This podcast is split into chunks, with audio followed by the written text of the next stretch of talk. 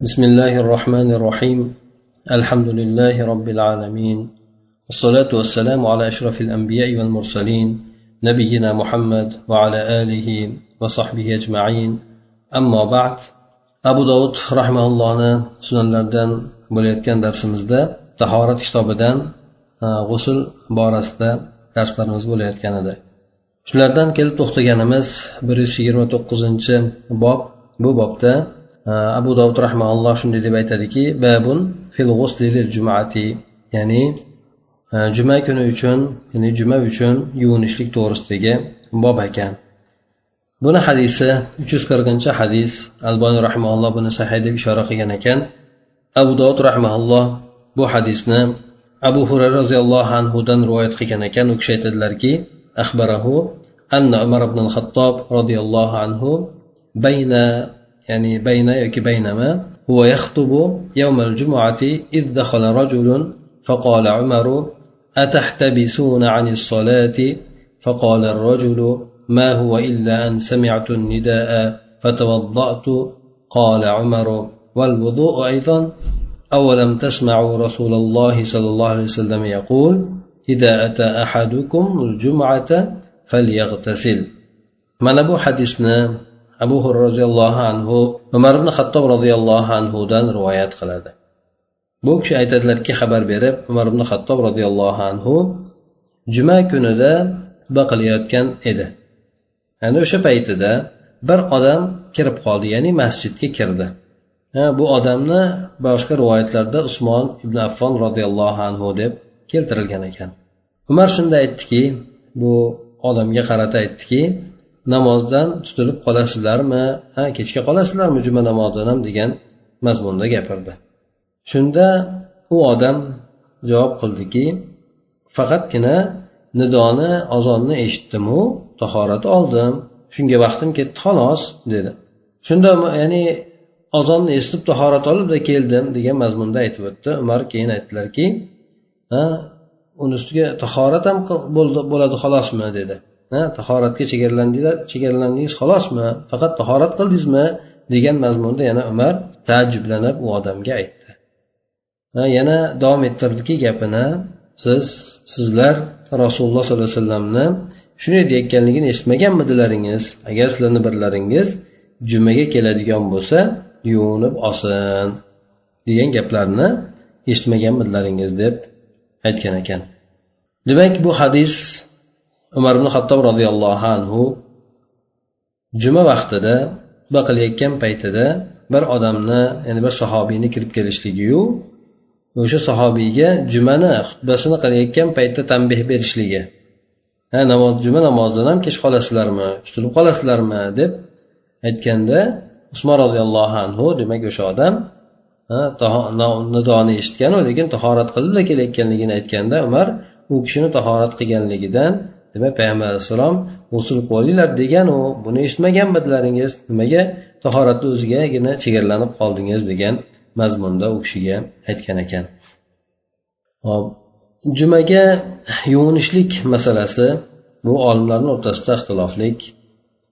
Ha kimlardir jumani jumaga yuvinishlikni vojib deydi. Ha kimlardir jumaga yuvinishlikni afzal sunnat deydi. Mana bu o'rinda mana bu hadisni ham keltirib aytishadiki umar roziyallohu anhu u kishiga ya'ni usmon roziyallohu anhuga yuvinmaganligiga e'tiroz qildiyu yuvinmaganligini inkor etdiyu. Lekin agar vojib bo'lganda edi ya'ni usmonni yuvinib kelishlikka buyurgan bo'lar edi. Vojibni tark qilishligi mumkin emas bo'lganligi uchun usmonni borib yuvinib keling deb aytgan bo'lar edi deb aytishadi. Ana o'shandek bo'lmasa buyruqni bo'lmaganligi buni vojib emasligini ifoda qiladi deb aytishgan ekan ham ekan. Bu yerda demak umar roziyallohu anhuni davrlarida ko'plab sahobalar madinada bo'lgan.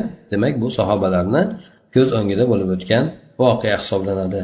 Ya'ni bu yerda birontasi usmon roziyallohu anhuga yoki o'sha odamga yuvinib kelishlikka qaytadan buyurmaganligi bu narsa vojib emasligini ifoda qiladi deb aytishadi uch yuz qirq birinchi hadisda keltirib o'tadiki bu hadisni abu dovud rahmaulloh abu said hudriy roziyallohu anhudan rivoyat qilgan ekan bu kishi xabar berib aytadilarki أن رسول الله صلى الله عليه وسلم قال غسل يوم الجمعة واجب على كل محتلم payg'ambar sallallohu alayhi vasallam shunday degan ekanlar juma kunini yuvinishligi ya'ni juma kundagi yuvinishlik bu har bir ehtilomdagi bo'lgan odam uchun vojibdir degan ekan. Hop bu yerda ehtilomdagi bo'lgan odam deb birinchi ma'nosi bu ya'ni ko'chma ma'noda ishlatilishligi balog'atga yetgan odamga degan mazmunda har bir balog'atga yetgan nima namoz ibodatlar farz bo'lgan odamga juma kuni yuvinishlik vojib degan mazmunni ham ifoda qiladi. Ba'zilar aytadiki muhtalimda ya'ni ehtilomda bo'lgan odam ya'ni haqiqatdan junub bo'lgan odamga juma kunida yuvinishlik albatta vojib bo'ladi. Boshqa paytda ham vojib bo'ladiyu yana ham ta'kidliroq suratda vojib bo'ladi degan mazmunni keltirib o'tishadi. Garchi birinchisi nimaga? Mazmunga yaqinroq bo'lsa ham ya'ni har bir balog'atga yetgan odamga vojib bo'ladi degan. Mana bu hadisda imom buxoriy ham muslim ham rivoyat qilgan ekan. Bu yerdagi vojib bo'ladi degan e, iborani so'zni e, olimlar demak e, ba'zilar o'sha farz vojibligida vojib bo'ladi deb aytishgan bo'lsa yana ba'zilar buni vojibul ixtiyor ya'ni ixtiyor vojibligida vojib bo'ladi deydi. Ya'ni yuvinishga kirishadigan odamga albatta bu narsa vojib bo'lib qoladi. Ha ya'ni ixtiyor odam o'zini ixtiyori bilan o'ziga vojib qilishligi mumkin degan mazmunda buni aytishgan. Bunday deyishligini sababi chunki mana quyida boshqa hadislarda ham keladi. Juma kunidagi bo'lgan yuvinishlikni ta'kidlovchi bo'lgan hadislar ham bor vojibligini hamda yuvinib olsa yaxshi bo'ladi degan mazmundagi hadislar rivoyatlar ham bor. Ana o'shalarni jamlagan suratda olimlar demak ixtilof qilishgan ekan. Kimlardir vojib deydi kimlardir esa afzal ya'ni sunnat deb aytishadi. Uch yuz qirq ikkinchi hadisda bu hadisni ibn umar roziyallohu anhudan rivoyat qilgan ekanlar bu kishi esa o'zlarini opalari hafsonamizdan rivoyat qilgan. Payg'ambar sallallohu alayhi vasallamdan rivoyat qiladi hafsonamiz aytadilarki ala kulli muhtalimin ravahul jumuati va ala kulli man roha ilal jumuati al g'uslu har bir ehtilomda bo'lgan odamga ya'ni balog'atga yetgan odamga jumaga borishlik lozim bo'ladi vojib bo'ladi farz bo'ladi. Ya'ni balog'atga yetgan odamlar erkaklar juma namoziga borishliklari lozim bo'ladi. Endi juma namoziga borgan odamlarga esa yuvinib olishlik lozim bo'ladi deb aytildi. Demak bu yerda ham bu bu kelayotgan iborada ham jumaga yuvinib olishlikni ta'kidlab aytilyapti. Abu dovud rahmaulloh aytadilarki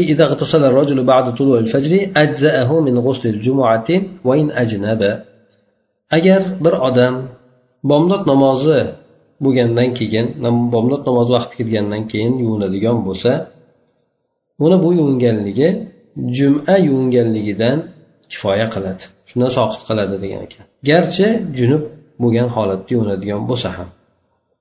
Bomdod namozi vaqti kirgandan keyin yuvinadigan bo'lsa o'sha yuvingani juma kungi yuvinganlik hisobiga o'taveradi. Garchi o'sha yuvinganligi jumani o'ziga xos atab emas balki junub bo'lganligidan yuvingan bo'lsa ham o'sha juma kungi yuvinganiga hisoblanaveradi deb aytishadi. Aytadilar bu kishi. Ba'zilar aytadiki e, shu juma kunida ham qo'shni niyat qiladigan bo'lsa o'tadi deb aytishadi. Mana shundan demak biz bilamiz ekanki juma kuni yuvinishlik vaqti mm, bomdod namozi vaqti kirgandan keyin yuvinadigan bo'lsa o'sha juma namoziga yuvinganligi deb e'tibor qilinar ekan. Oldin yuvinganligini esa ko'plab olimlar juma kungi bo'lgan e, shu juma kungi yuvinishlikka yo'yishmaydi ya'ni juma kungi yuvinishlik hisobiga o'tmaydi deb aytishadi. Ba'zilar aytadi o'sha juma namoziga chiqib ketar paytida yuvinishlik kerak deydi. Ba'zilar sal biroz muddat oldinroq bo'ladigan bo'lsa ham bo'laveradi deydi. Mana bu kelgan abu dovud aytganlari bo'yicha bomdod va namoz vaqti kirgandan keyin yuvinadigan bo'lsa o'sha yuvingani hisobga o'taverar ekan. uch yuz qirq uchinchi hadisda albon rahmaulloh buni hasan deb e, ishora qilgan ekanlar. Bu hadisni hop boshqa o'sha yuqoridagi bo'lgan e, rivoyatda boshqa yo'li orqali aytib o'tgan ekan bunda aytadilarki bu abu said hudri roziyallohu anhudan hamda hop abu hurayra roziyallohu anhu ikkalalaridan rivoyat qilinadiki ular aytgan ekanlar قال رسول الله صلى الله عليه وسلم من اغتسل يوم الجمعة ولبس من أحسن ثيابه ومس من طيب إن كان عنده ثم أتى الجمعة فلم يتخطر أعقابا أعناق الناس ثم صلى ما كتب الله له ثم أنصت إذا خرج إمامه حتى يفرغ من صلاته. كانت كفارة لما بينها وبين جمعته التي قبلها. قال ويقول أبو هريرة رضي الله عنه وزيادة ثلاثة أيام ويقول إن الحسنة بعشر أمثالها.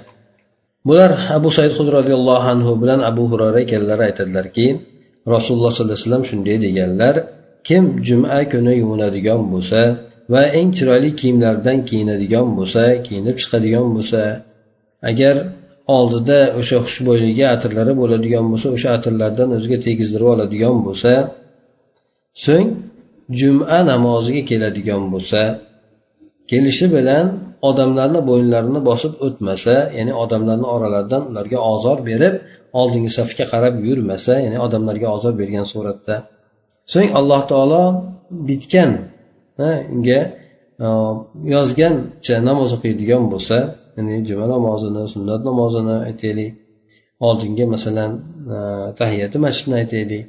Ana o'shandan keyin bu odam e, jim turadigan bo'lsa o'sha tahiyati masjidini o'qib jim quloq soladigan bo'lsa imomi chiqqan paytida hatto imom namozidan bo'shagunigacha demak demak jumani xutbasiga tinch quloq soladigan bo'lsa to shunday holatda bo'lib imom tugaguncha turadigan bo'lsa namozdan tugaguncha turadigan bo'lsa bunda bu o'qigani jumasi bu o'qigan jumasi o'sha juma bilan undan keyingi undan oldingi jumani o'rtasidagi bo'lgan gunohlariga ya'ni gunoh kichkina gunohlariga kafforat bo'ladi deb aytgan ekanlar. Demak mana shunday bir sifat bilan inson juma namoziga keladigan bo'lsa u yerda ha ya'ni jumaga yuvinib eng chiroyli kiyimlarni kiyib toza pokiza kiyimlarni kiyib xushbo'yligi bo'ladigan bo'lsa xushbo'yliklardan surtib o'ziga odamlarga ozor bermasa tahiyati masjidda o'qib o'sha imom jumaga xutbaga chiqqan paytida quloq solib to o'sha namozni tugatgungacha shunday bir imom bilan birga bo'lib davom etadigan bo'lsa buni o'qigan jumasi avvalgi juma bilan ikkalasini o'rtasidagi bo'lgan gunohlarga ya'ni kichkina gunohlarga kafforat bo'ladi deb aytgan ekanlar. Abu roziyallohu anhu mana shunga rivoyatda qo'shimcha qilib aytgan ekanki bu jumadan jumagacha bir hafta emas balki yana uch kun ziyodasi bilan degan ekan. Bu yerda har bir yaxshilik o'n baravarda bo'ladi.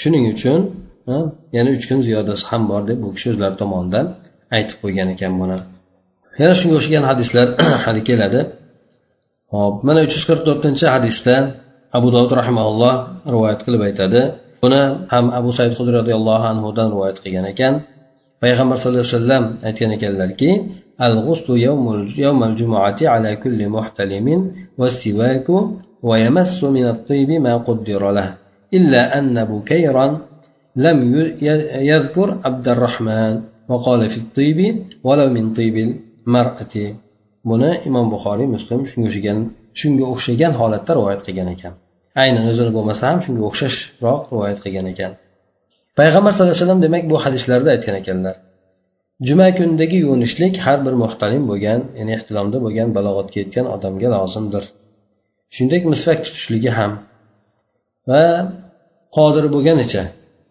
o'zini xushbo'yligidan teginishligi o'ziga surkashligi. Atirlaridan xushbo'ylardan taqdir qilinganini surkashligi o'ziga. Ya'ni xushbo'ylanib jumaga keladigan bo'lsa deb aytgan ekan. Lekin bu yerda roviylardan birisi buka degani bu abdurahmonni zikr qilmagan ekan. Keltirib rivoyatda aytib o'tmagan ekan. Abdurahmon bu abu said hud roziyallohu anhuni farzandlari ekan. Endi yana bu odam xushbo'ylik borasida atir borasida aytgan ekanki garchi ayolini xushbo'ylanadigan narsasidan bo'lsa ham atiridan bo'lsa ham tekkizib olsin degan mazmunda aytilgan ekan. O'ziniki bo'lmaydigan bo'lsa ayolini o'sha xushbo'yligidan bo'lsa ham tekkizib olib kelsin deb ta'kidlab aytilgan ekan. Uch yuz qirq beshinchi hadisda abu dovud rahmaulloh keltirib o'tadi. Bu hadisni avs ibn avs saqofiy roziyallohu anhu rivoyat qilgan ekan aytadilarki سمعت رسول الله صلى الله عليه وسلم يقول من غسل يوم الجمعة واغتسل ثم بكر وابتكر ومشى ولم يركب ودنا من الإمام فاستمع ولم يلغو كان له بكل خطوة عمل سنة أجر صيامها وقيامها. كم؟ payg'ambar sallallohu alayhi vasallam shunday deb aytganini eshitganman dedi kimki juma kuni yuvadigan bo'lsa. G'assala g'assalani bu ma'nosida olimlar har xil fikrlarni aytishgan ekan. G'assala deganda mana keyingi rivoyatlarda ham kelyapti ya'ni boshini yuvsa sochini yuvsa degan mazmunda. Ya'ni juma kunidagi yuvinishlik to'liq yuvinishlik bo'ladi. Odam e, changib ketsa tellab ketsa o'sha joylarda o'zini emas balki to'liq yuvinishlikdagi yuvinishlikni ifoda qilishlik uchun aynan keltirgan ham deb aytishadi. Ya'ni juma kunida boshini yuvadigan bo'lsa to'liq cho'milib yuvinadigan bo'lsa bakkaro vabtakaro ertalabda kelib vabtakaro ya'ni xutbani avvaliga yetib keladigan bo'lsa ya'ni ertaroqda kelsa va xutbani avvaliga yetib kelsa hop piyoda yurib kelsa otga minmasdan piyoda yurib keladigan bo'lsa imomga yaqin o'tiradigan bo'lsa quloq solib tinglab hech ham bir behuda o'yinlarni ishlarni qilmaydigan bo'lsa mana bu odam uchun jumaga kelgan mana bu odam uchun har bir qadamini muqobilida bir yilni amali bo'lar ekan. Bir, bir yillik amalni ajri bo'lar ekan. Ya'ni bir yildagi bo'lgan ro'zasini tutadi ro'za tutishligiyu hamda qiyomi kechasi bilan ibodat qilishligini ajri bo'ladi deb aytgan ekan. Demak bu yerdagi keltirilayotgan ajr yuqorida o'tgan shartlarga binoan bo'lar ekan. Bulardan birinchisi inson to'liq suratda juma kuni yuvinishligi so'ng erta ertaroq borishligi juma namoziga piyoda yurib borishligi ulovga otga minmasdan. Masjid albatta yaqin bo'ladigan bo'lsa shunday qilinadi. Agar masjid yaqin bo'lmaydigan bo'lsa albatta bironta bir ulov bilan markab bilan boradi endi. Va yana imomga yaqin o'tirsa deydi. Chunki avvallari mikrofon bo'lmaganligi uchun ham imomga yaqin o'tirilgan unga aytayotgan gaplarni eshitishlik uchun. Garchi hozirda mikrofon bo'lsa ham baribir imomga yaqin o'tirishligi insonni ajrini ko'proq bo'lishligiga sabab bo'ladi. Imomni oldiga o'tirib tinglasa quloq solsa tinglasa imom nima deyayotganligiga hm? shunchaki eshitib o'tirsa balki tinglasa deyapti. Hamda behuda narsalarni o'ynamasa qo'li bilan ham e, betlarni ushlab o'ynamasa yoki bo'lmasa bir narsalar bilan boshqa narsalar bilan mashg'ul bo'lmasa ana o'shanday bo'lib turgan holatida haligi odamni masjidga qadam bosib kelgan har bir qadamiga bir yillik ajr bo'ladi deb aytilgan ekan. Ya'ni bir yillik ajrda kecha kunduzdagi ro'zasiyu kechasidagi bo'lgan ibodati bilan bo'lgani deb payg'ambar alayhissalom aytgan ekanlar. Demak bu hadisdagisi bunday alloh taolo bunaqa katta ajrni berishligi albatta alloh taoloni mulkini kamaytirib qo'ymaydi. Balki inson demak o'sha amalni qilayotganda mana shunday yuqorida aytilgan xislatlarga sifatlarga yoki shartlarga albatta rioya qilishligi o'sha ajrni to'liq olishligiga sabab bo'lar ekan. Agar ajr o'sha yuqoridagi bo'lgan shartlarni kamayganiga qarab turib ajr ham kamroq bo'ladi. Shuning uchun yuqoridagi bo'lgan juma namoziga inson ketayotgan paytida o'shanday bo'lgan narsani ko'ngliga tukkan holatda hayoliga keltirgan holatda o'sha shartlarni bajargan holatda jumaga borib shunday imomga yaqin o'tirib eshitib qaytar ekan o'sha kundagi borib kelgan ajri borib kelgan yo'ldagi bosgan masofalariga qadamlariga alloh taolo shunchalik ajrni berar ekan. Ana bu hadisni mana quyida biroz o'sha g'assala deganni mana sharhlagan suratda payg'ambar sallallohu alayhi vasallamni o'zlaridan ham rivoyat kelyapti. Aytgan ekanlarki man rasahu yawmal jumuati va ya'ni keyin o'sha davom ettirib aytgan ekan ya'ni kimki juma kunida boshini yuvadigan bo'lsa va yuvinadigan bo'lsa deb. Arablarni o'sha paytlardagi boshda sochlari ko'p bo'lganligi ba'zan esa uni urib olgan ba'zilar esa urib olganligi juda ham e, sochini pastga tushiradigan darajada qo'yib yuborganligi ozroq bir mashaqqatni keltirib chiqarardi. Shu mashaqqatni ko'targan holatda juma kunida to'liq suratda inson boshini ham qo'shib butun badanini qo'shib yuvadigan bo'lsa o'sha yuqoridagi ajr hosil bo'lishligini aytilgan ekan. Mana undan keyingi uch yuz qirq yettinchi hadisda abdulloh ibn amr ibn os roziyallohu anhudan rivoyat qiladi u kishi payg'ambar sallallohu alayhi vasallamdan rivoyat qilib aytadilarki من اغتسل يوم الجمعة ومس من طيب امرأته إن كان لها ولبس من صالح ثيابه ثم لم يتخط رقاب الناس ولم يلغ عند الموعظة كانت كفارة لما بينهما ومن لغى وتخطى رقاب الناس كانت له ظهرا kim juma kuni yuvinadigan bo'lsa va ayolini xushbo'yidan o'ziga surtib oladigan bo'lsa garchi ayolida bo'lsa ham ayoliniki bo'lsa ham o'sha xushbo'yligidan o'ziniki bo'lsa o'ziniki bo'lmasa ayoliniki bo'lsa ham o'sha ayolni atirlaridan xushbo'yliklaridan o'ziga tekkizib surtib oladigan bo'lsa va yaxshi bo'lgan chiroyli bo'lgan aytaylik toza bo'lgan kiyimlardan kiyadigan bo'lsa so'ng odamlarni bo'yinlarini oxlab o'tmaydigan bo'lsa ularga ozor berib odamlarni oralab masalan aytaylik ularga ozor berib oxlab o'tib ketmas ekan. Ya'ni bu yerda aytaylik oldinga o'tishlik agar joy bo'ladigan bo'lsa odamlarga ozor bermasdan o'tsa bo'ladi lekin bu yerda odamlarga ozor bergan holatda o'tishlikni aytilyapti. Yana maiza imom maiza qilayotgan paytida behuda narsalar bilan mashg'ul bo'lmasa bu arablarda ba'zida o'sha juma kunlari yerda toshlar bo'lganligi uchun ba'zilar toshlarni yoqqa bu yoqqa surib o'ynab o'tirar ekan. Yoki kimdir birdan bir narsasini ko'ylagidagi bo'lgan yoki kiyimidagi bo'lgan bir narsasini o'ylab o'tiradi. Yoki kimdir soqolini o'ylab o'tiradi.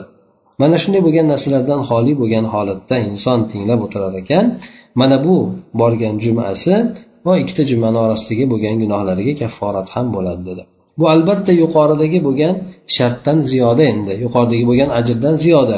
Bir yillik ajrni berilishligi u bordi keldigisiga bo'ladigan bo'lsa albatta yana bundan tashqari shu shartlarga rioya qiladigan bo'lsa bu bir haftalik bo'lgan gunohlarga ham kafforat bo'lar ekan.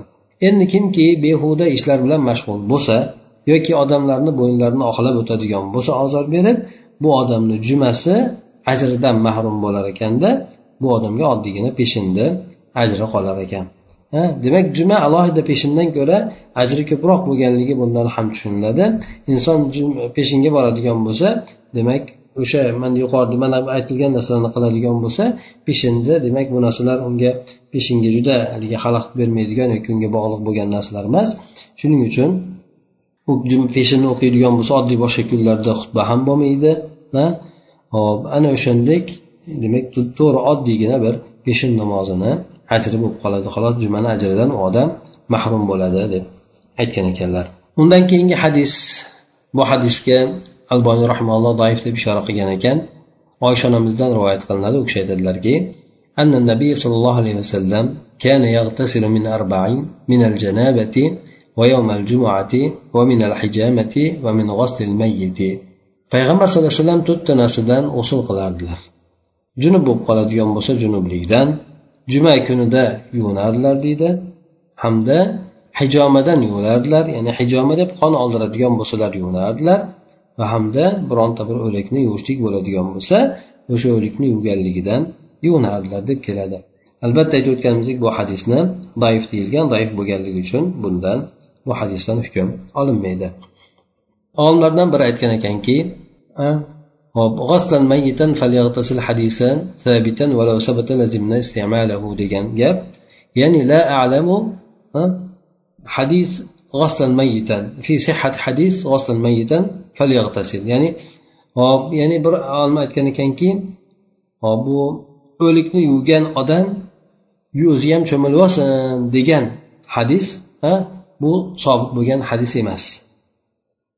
Ya'ni sobit kelgan hadisni bu borada bilmayman. Ya'ni kim o'likni yuvadigan bo'lsa o'zi ham yuvinib olsin degan rivoyatni sobit ekanligini bilmayman. Mana shunaqa sahiy kelgan rivoyatni bilmayman deb aytgan ekan. Hop bunga o'xshagan gaplar imom ahmaddan ibn mayn shulardan ham aytilgan ekan. Agar sobit bo'lgan deydi bunaqa hadis kelgan deydi sahih bo'lgan hadis kelgan deydi biz uni iste'molni lozim tutgan bo'lardik. Albatta biz u hadisga amal qilgan bo'lardik deb aytgan ekan.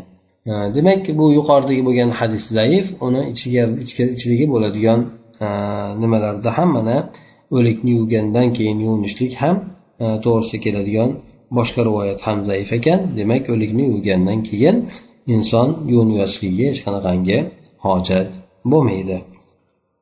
Uch yuz qirq to'qqizinchi hadisda keltirib o'tadi bu albon rahimalloh aytgan ekanlar sahihu lekin maqtu degan ekan. Maqtu ya'ni o'sha hadis payg'ambar sallallohu alayhi vasallamga bormasdan to'xtagan yo'lda degani. Buni makhuldan tobiindan rivoyat qilinyapti. O'sha g'assala vaqtusala degan so'z haqida bu kishi aytgan ekanlar g'assala rasahu va g'assala jasadahu deb. Ya'ni boshini yuvsa va jasadini yuvsa degan mazmunda aytgan ekan. Boshini yaxshilab yuvsa chunki g'assalada ta'kid bor yaxshilab yuvishlik kerak. Chunki boshini quyuq bo'lgandan keyin ko'p bo'lgandan keyin sochlar tagiga suv yetmay qolishligi mumkin bo'lib ham u davrlarda dushlar ishlatilmagan balki inson qo'llari bilan ozgina suvni badaniga yetkazishlikka harakat qilgan. Uch yuz elliginchi hadisda ham xuddi shunga o'xshagan mazmunda keladi. Bu yerda said ibn abdul azizdan rivoyat qilinadi. Bu kishi aytgan ekanlar o'sha g'assala va degan so'z borasida g'assala rosahu va g'assala jasadahu. Bu kishi ham aynan so'zni aytgan ekanlar kimki boshini ya'ni sochini yuvadigan bo'lsa hamda butun jasadini yuvadigan bo'lsa deb keltirgan ekanlar uch yuz ellik birinchi hadisda payg'ambar sallallohu alayhi vasallamdan abu hurayra roziyallohu anhu orqali rivoyat qiladi abu dovud rahimalloh u zot aytadilarki فكأنما قرب بدنه ومن راح في الساعة الثانية فكأنما قرب بقرة ومن راح في الساعة الثالثة فكأنما قرب كبشا أقرا. ومن راح في الساعة الرابعة فكأنما قرب دجاجة. ومن راح في الساعة الخامسة فكأنما قرب بيضة. فإذا خرج الإمام حضرت الملائكة يستمعون ذكرى kim juma kuni xuddi junublikdan yuvinganida kabi yuvinadigan bo'lsa ya'ni to'liq suratda badanni yuvadigan bo'lsa so'ng masjidga qarab yo'l oladigan bo'lsa ya'ni ertalabda yuvinib masjidga qarab yo'l oladigan bo'lsa bu odam go'yoki bu qilgan amali bilan bir tuyani qurbonlik qilgandaqa ajr oladi. Demak ertalabda yuvinib masjidga boradigan bo'lsa bu odam go'yoki bir tuyani qurbonlik qilgandek bo'ladi. Shunaqa ajrga oladi. Kimki endi ikkinchi soatda undan keyingi paytda boradigan bo'lsa masjidga bu odam bir sigirni qurbonlik qilgandek bo'ladi. Kimki uchinchi soatda boradigan bo'lsa bu o'sha shohdor bo'lgan bir qo'chqorni qurbonlik qilgan bo'ladi. Kimki to'rtinchi soatda masjidga boradigan bo'lsa ya'ni bu odam bir tovuqni qurbonlik qilgandek bo'ladi. Kimki beshinchi vaqtida boradigan bo'lsa bu odam bir tuxumni qurbonlik qilgandek ajrini oladi. Agar imom o'sha paytda chiqadigan bo'lsa imom minbarga chiqqan paytida esa farishtalar o'sha zikrni eshitgan holatlarda shu imomni oldida hozir bo'ladilar deb aytgan ekanlar. Bu hadis demak inson juma kuni iloji boricha agar masjidga yuvinib ertalabda boradigan bo'lsa ajri yuqoriroq bo'lishligini ifoda qilyapti. Demak birinchi namozni juma juma kuni vaqtni birinchi paytida boradigan bo'lsa ya'ni bomdod namozini ya'ni quyosh chiqib bo'lgandan keyin yuvinib o'sha paytda demak boradigan bo'lsa bu inson go'yoki erta borganligi uchun xuddi tuyani taqdim qilgan odamni ajrini olar ekan. Endi birinchi soatida bo'ladigan bo'lsa ya'ni ertalabdagi birinchi soati shu bo'lsa undan keyin ikkinchi soat bir soat deganda bizni hozirgi paytdagi oltmish minutlik bo'lgan vaqtimiz e'tiborga olinmaydi. Chunki ular paytda bunaqa holatda sanalmagan balki bir muddatni bir soat deb sanalgan.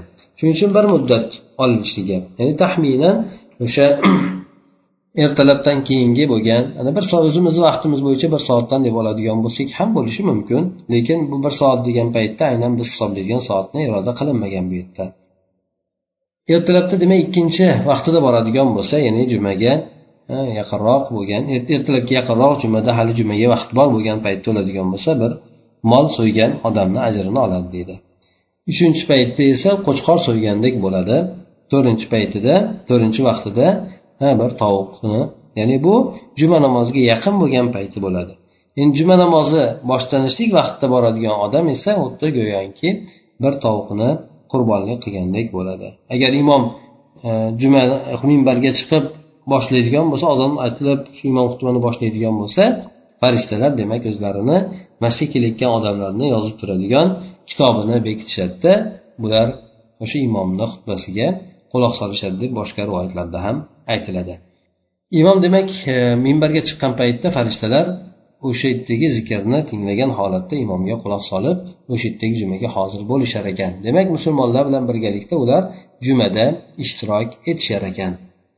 Albatta bu narsa o'sha barakatni ham nozil bo'lishligini sababi bo'ladi. Bir yuz e, o'ttizinchi bobda keltirib o'tadi abu dovud rahmaulloh babun fi ruxsati fi tarkil g'usli yawmil jumati juma kunidagi yuvinishlikni tark qilishlikdagi ruxsat endi ya'ni yuvinsa yaxshi yuvinmasa ham bo'ladi degan mazmunda kelgan hadislar ekan bu birinchi hadisni uch yuz ellik ikkinchi raqamli ekan oysha onamizdan rivoyat qilinadi u kishi aytadilarki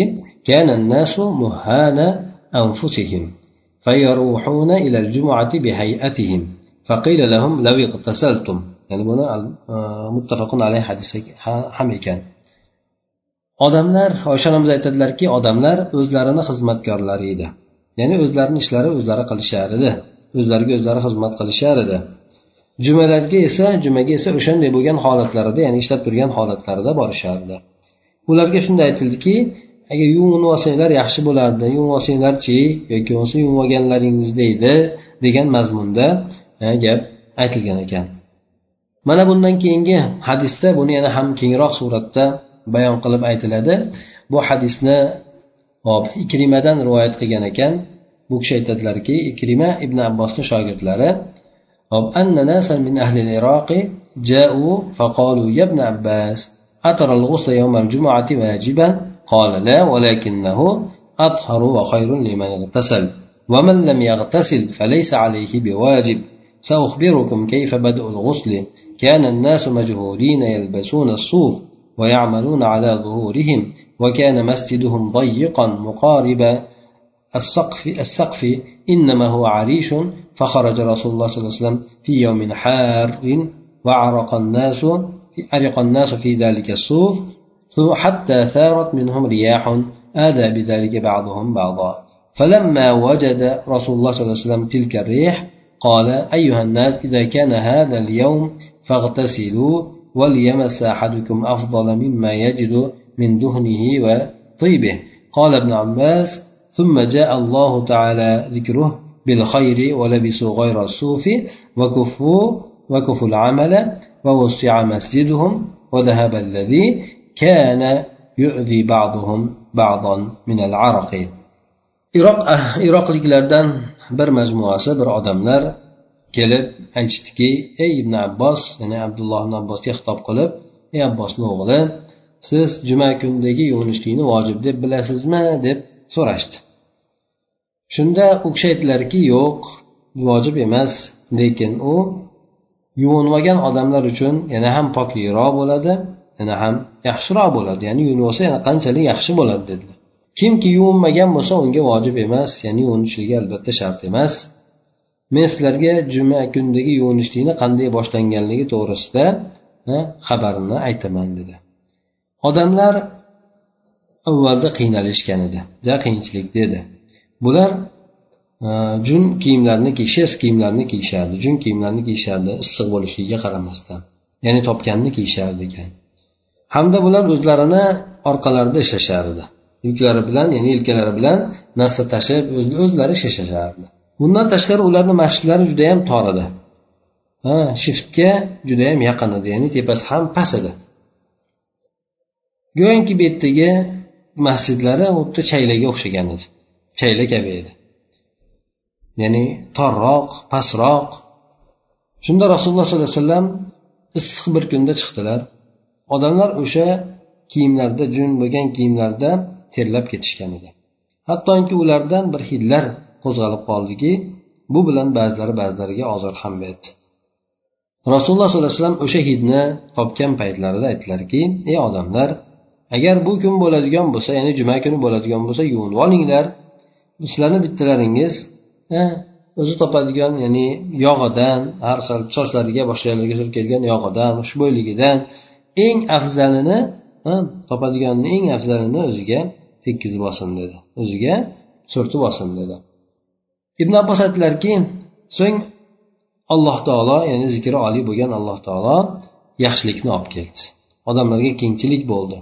Bular o'sha e, shestlardan yoki bo'lmasa jun kiyimlardan boshqa kiyimlarni ham kiyishdi. Amallardan tiyilishdi xizmatkorlar olishdi qullar tutishdi o'zlari ishlamasdan ularni ishlatishdi. Masjidlari ham kengayib balandlashib shunaqa bo'ldi. Avvalda ba'zilari ba'zilariga ozor bergan o'sha ter ham ketdi mana shunda demak ularga nisbatan juma kunni yuvinishligi ta'kid bilan aytilgandi degan mazmunda aytib o'tgan ekanlar undan keyingi hadis ham mana o'sha juma kundagi yuvinishlikni afzalliyati to'g'risida aytib o'tadi roziyallohu anhudan rivoyat ekan unda aytadilarki قال رسول الله صلى الله عليه وسلم من توضأ يوم الجمعة فبها ونعمت ومن اغتسل فهو أفضل rasululloh alayhi aytdilarki kim juma kuni yuvinadigan e, tahorat oladigan bo'lsa jumaga ketishlikda tahorat oladigan bo'lsa o'sha unga bo'laveradi va u ham yaxshi. Fabiha u o'sha tahorati bilan bo'ladi va ne'mat bu tahorat ham yaxshi hisoblanadi. Kimki endi g'usul qilib oladigan bo'lsa bunisi esa afzalroq bo'ladi deb aytgan ekanlar. Demak yuqoridagidan xulosa qilib aytadigan bo'lsak juma kuni inson iloji boricha xilofdan chiqishlik uchun ham yuvinib oladigan bo'lsa bu narsa afzal ekan. Yana juma namoziga ertaroq boradigan bo'lsa qancha ertaroq borib o'tiradigan bo'lsa o'sha yerda zikr qilib qur'on o'qib o'tiradigan bo'lsa shunchalik afzal bo'lar ekan. Hattoki mana yuqorida ularga beriladigan ajrlarni hajmlarini ham aytib o'tildi. Jumaga agar yuvinishlikka imkon topmaydigan bo'lsa unda tahorat bilan kifoyalansa bo'laverar ekan. Hamda iloji boricha imomga yaqinroq o'tirishligi jumaga borganda bironta bir so'zlarni ham iloji boricha imom xutbaga chiqqandan keyin gapirmasligi hattoki jim bo'l deb ham aytmasligi chunki bu odamni ham kim o'sha juma kunida gapiradigan bo'lsa jumani ajridan mahrum bo'lib qoladi degan mazmundagi hadislar ham kelgandir chunki bu odam boshqalarni jumani eshitishidan xayolni bo'linishligiga sabab bo'ladi ularni e'tiborini o'ziga qaratadi. Mana shundan imomni bu yerda odamlar bilan o'rtasidagi aloqani uzilib qolishligiga sabab bo'ladi.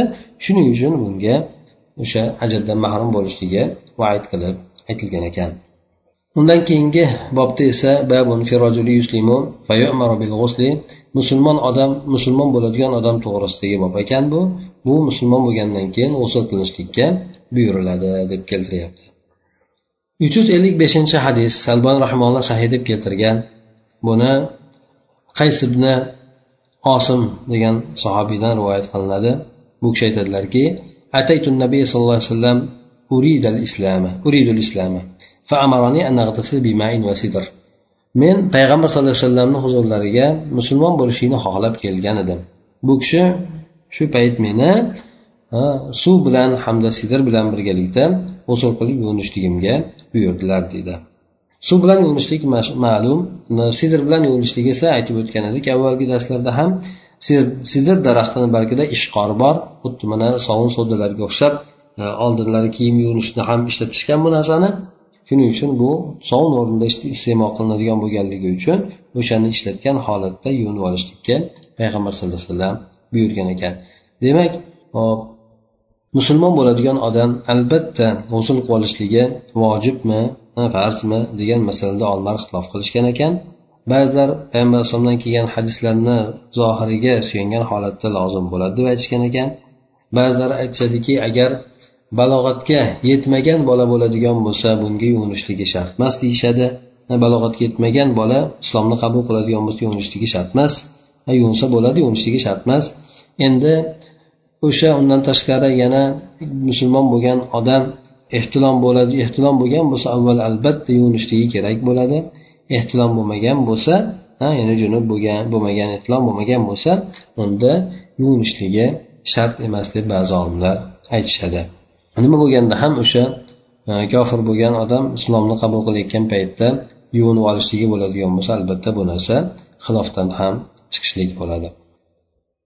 Undan keyingi uch yuz ellik oltinchi hadis albani rahimulloh hasan deb keltirgan ekan. Boshqa olimlar esa bir qancha olimlar zaif deb keltirgan bu hadisni bu hadisni bir sahobiydan rivoyat qiladi aytadiki payg'ambar sallallohu alayhi vasallamni oldiga kelgan ekan. Aytgan ekanki men musulmon bo'ldim deb xabar qilibdi. Shunda payg'ambar alayhisalom unga aytibdiki siz o'zingizdan kufr sochini olib tashlang dedi. Ya'ni ihliq dedi. Ya'ni sochingizni oldirib yuboring dedi. Yana boshqasi menga xabar beradiki deydi. Payg'ambar sallallohu alayhi vasallam boshqa bir odamga aytgan ekanki u bilan birga bo'lgan boshqa odamga aytgan ekanki siz ham o'zingizdan kufr sochini olib tashlangda hamda xatna qilib oling deb aytgan ekan. Demak bu hadisimizda yuqoridagi hadisimizda ham musulmon bo'lgan aytib o'tganimizdek musulmon bo'lgan odam yuvinishligi to'g'risida kelgan ekan. Bu yerda payg'ambar sallallohu alayhi vasallam yuvinishligi bilan birgalikda ba'zilariga kufrda o'sgan sochingni ham oldirib yuborgin deb tavsiya qilgan ekanlar. Bundan maqsad deb aytishadiki olimlar bu inson o'sha kufrda o'sgan bo'ladigan bo'lsa ya'ni bu shart emas masalan albatta inson musulmon bo'ladigan bu sochini oldirishligi shart emas lekin payg'ambar alayhisalom buni afzaliyat suratida o'zlari bilgan holatlarida o'sha kufrdagi bo'lgan holat. Butunlay o'zgargin kufrdan butunlay o'zgarishlikka harakat qilgin hattoki sochlaringni ham o'zgartirgin degan mazmunda payg'ambar alayhissalom sochingni oldirib yuborgin deb aytgan ekanlar. Boshqasiga esa ayni sochingni kufr sochini o'zingdan ketkazganda hamda xatna qilgin deb aytgan ekanlar. Xatna qilishlik masalasi albatta xatna qilishlik o'zi umumiy suratda vojib bo'lgan amal hisoblanadi. Bu inson balog'atga yetgunigacha qilib olsa afzal bo'ladi balog'atga yetar paytida esa insonga vojib bo'ladi bu narsa. Bu vojibligini yoshligida ado etib qo'yadigan bo'lsa ham kifoya qilaveradi. Lekin bu yerda inson bu qilishligi insonni zakarida o'sha siydik tomchilarni qolib ketmasligiga sabab bo'ladigan bo'lsa demak o'sha namozga kirishadigan paytda bu nihoyatda muhim bo'ladi. Demak ana o'sha paytda insonga ham vojib bo'ladi. Lekin oldindan xatna qildiradigan bo'lsa yoshligida xatna qildiradigan bo'lsa aytib o'tganimizdek bo'laveradi. Endi kofir bo'lgan odam islomni qabul qiladigan bo'lsa albatta u odam xatna qilinishligi kerakmi? Bu hadis kimlardir zaif qilgan bo'lsa buni shart emas deyishadi kimlardir hasan deb yoki sahiy deb aytishgan bo'lsa bular albatta qilishlik vojib deb aytishadi. Lekin umumiy suratda agar o'zida ixtiyor topiladigan bo'lsa albatta qilib olgan afzal bo'ladi. Agar qo'rqib yo boshqa bo'ladigan bo'lsa buni majburan xatna qildirishlik to'g'ri bo'lmaydi deb aytishadi. Ya'ni ko'pchilik olimlar buni xatna qilishlikni vojib degan taqdirda ham ba'zi olimlar kofir bo'lgan odam musulmon bo'ladigan bo'lsa uni haqida xatna qilishlik vojib emas balki sunnat bo'ladi deb aytishgan agar qildirib oladigan bo'lsa yaxshi bo'lmasa qildirishlikka majbur qilmaydi degan mazmundagi gapni aytishadi. Lekin albatta xatna qilinadigan bo'lsa insonni o'sha siylikdan poklanishligiga tozalanishiga bu narsa sabab bo'ladi bu yerda yoshi katta bo'lgan odam albatta xatna qilinadigan bo'lsa bu avratini o'sha joyini ya'ni olib tashlashlik uchun albatta eng zarurat holatlari e'tibor qilinadi ya'ni xuddi boshqa masalalardagi bo'lgan zarurat holatlari kabi bunda ham zarurat holatlari bo'lib o'sha narsani o'zigagina chegaralanadi سبحانك اللهم وبحمدك نشهد أن لا إله إلا أنت نستغفرك ونتوب إليك اللهم انفعنا بما علمتنا وعلمنا ما ينفعنا وزدنا علما